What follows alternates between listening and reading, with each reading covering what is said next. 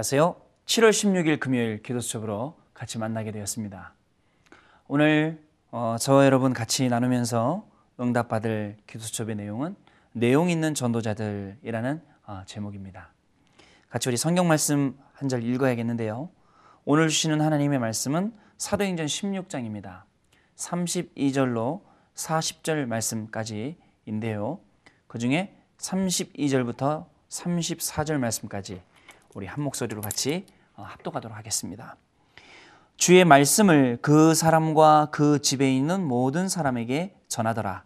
그 밤 그 시각에 간수가 그들을 데려다가 그 맞은 자리를 씻어주고 자기와 그 온 가족이 다 세례를 받은 후 그들을 데리고 자기 집에 올라가서 음식을 차려주고 그와 온 집안이 하나님을 믿음으로 크게 기뻐하니라. 복음이 누려지고 그리고 전도가 되며 세계 선교가 성취되는 그러한 날이 예, 올 것입니다.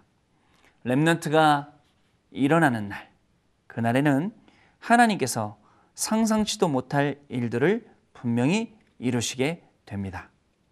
우리는 그때까지 언약을 굳게 붙잡고 복음과 전도 이것을 누리는 일을 계속해서 또 또 하고 또 하고 또 하고 또 그리고 전달하고 이렇게 해야 합니다. 복음과 전도를 놓고 계속해서 기도하면 무엇이냐? 하나님의 시간표와 정확하게 일치하게 됩니다. 이것을 놓고 정시로 무시로 기도할 때 하나님과 중심이 맞게 되고 이때부터 하나님께서 능력을 주시게 되는 것입니다. 우리가 이 눈을 가지고 현장을 보고 이 눈을 가지고 많은 사람들을 보게 되고 또 이 눈을 가지고 내가 하고 있는 많은 일들을 보게 되고 그러면 기도도 나오고 또 24시 기도 속으로 들어가면 하나님의 시간표와 응답도 어찌나 정확한지 하나씩 하나씩 이렇게 오게 되는 것입니다.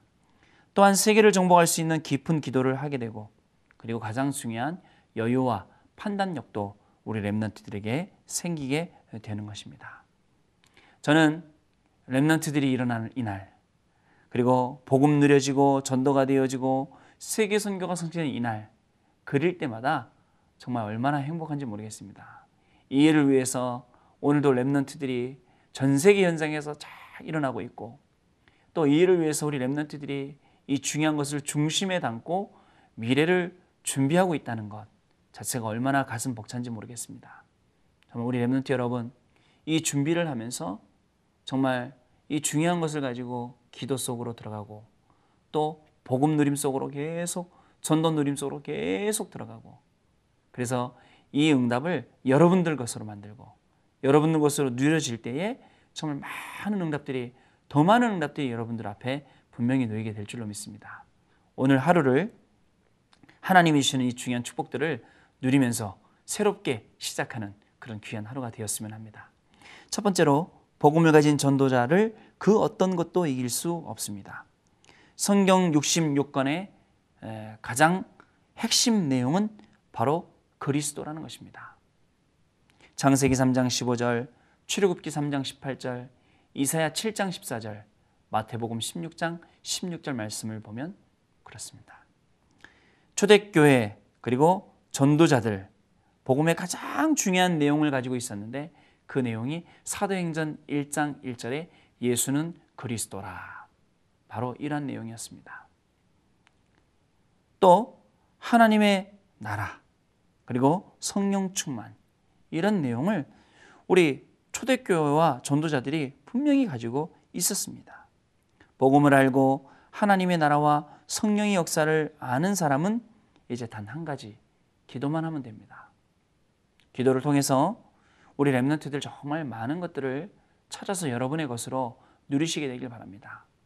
하루 아침에 눈 떠서 뭐 여러 가지 생각이 있겠지만 정말 오늘 하나님의 계획을 생각할 수 있다면 그리고 오늘 나의 일 속에서 하나님의 계획을 발견하고 만남 속에서 내가 하는 공부 속에서 또 내가 가는 모든 현장 속에서 이런 하나님의 계획을 발견할 수 있다면 정말 그 랩런트는 아주 대단한 랩런트입니다. 오늘 아침에 말씀을 묵상하면서 정말 한 번이라도 정말 나의 일, 만남, 현장 이런 것들 한번 깊이 한번 생각을 해보시길 바랍니다. 그 속에 하나님의 어떤 계획이 있을까? 하나님은 누구를 살리시기 원할까? 하나님 이 속에서 내가 해야 될 것이 무엇인지 정확히 알게 해달라고 또 기도하면 정말 그 랩런트야말로 질문이 없어지고 하나님의 완전한 인도를 받는 그런 랩런트일 줄로 믿는데요. 자, 두 번째입니다. 말씀만 붙잡아도 말씀대로 응답이 일어납니다. 사도행전 2장 14절부터 21절 말씀해 보니까 오순절날 마가다락방에 성령께서 역사하셨던 현장에 본격적으로 하나님의 말씀이 성취되기 시작했습니다. 사도행전 2장 41절 말씀에는 그 뒤에 삼천 제자가 현장 곳곳에서 일어난 것을 볼 수가 있었죠.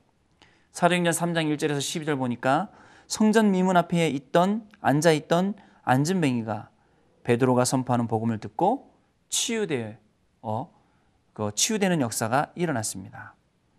또 사도행전 4장 12절에 힘없는 여자아이 앞에서도 겁을 먹었던 베드로는요.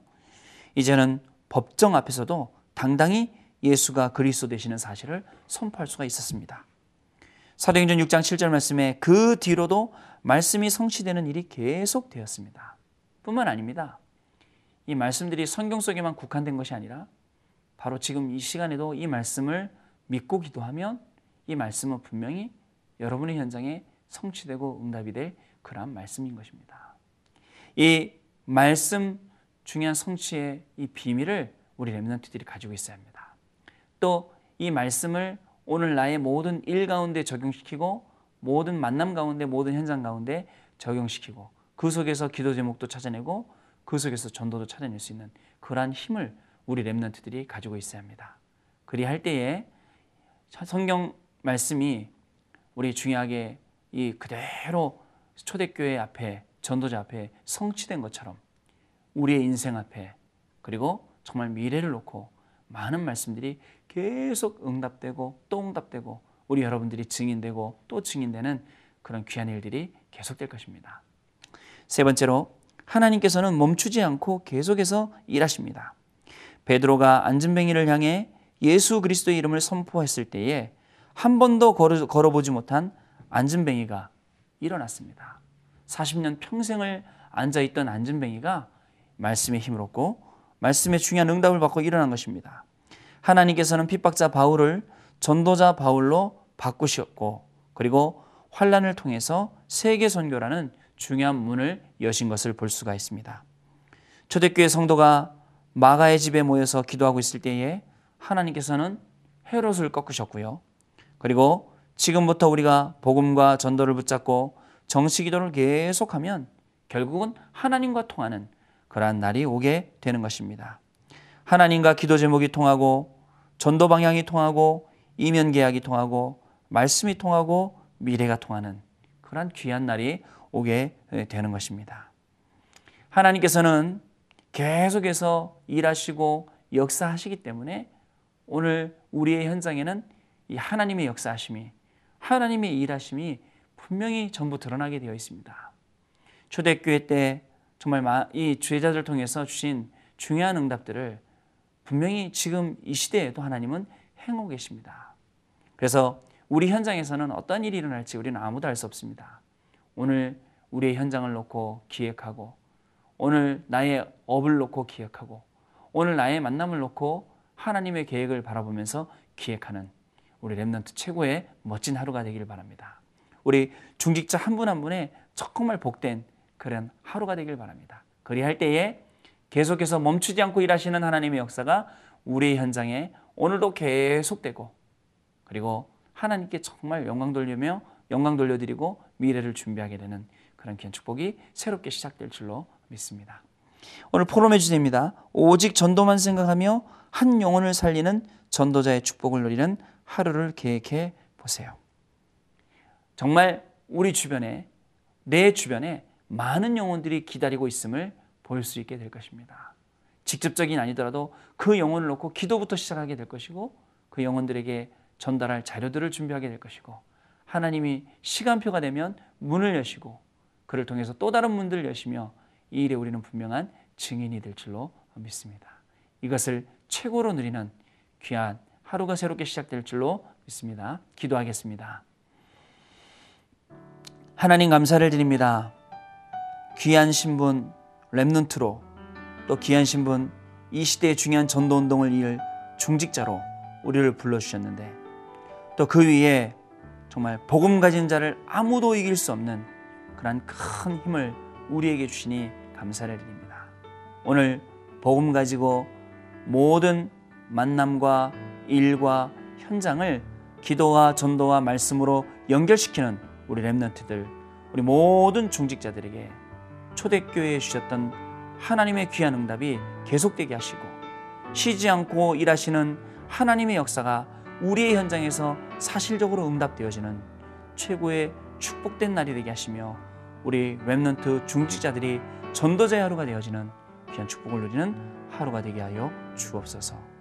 모든 영광 주께 돌려옵고 살아계신 우리 주 예수 그리스도 이름으로 기도드리옵나이다. 아멘.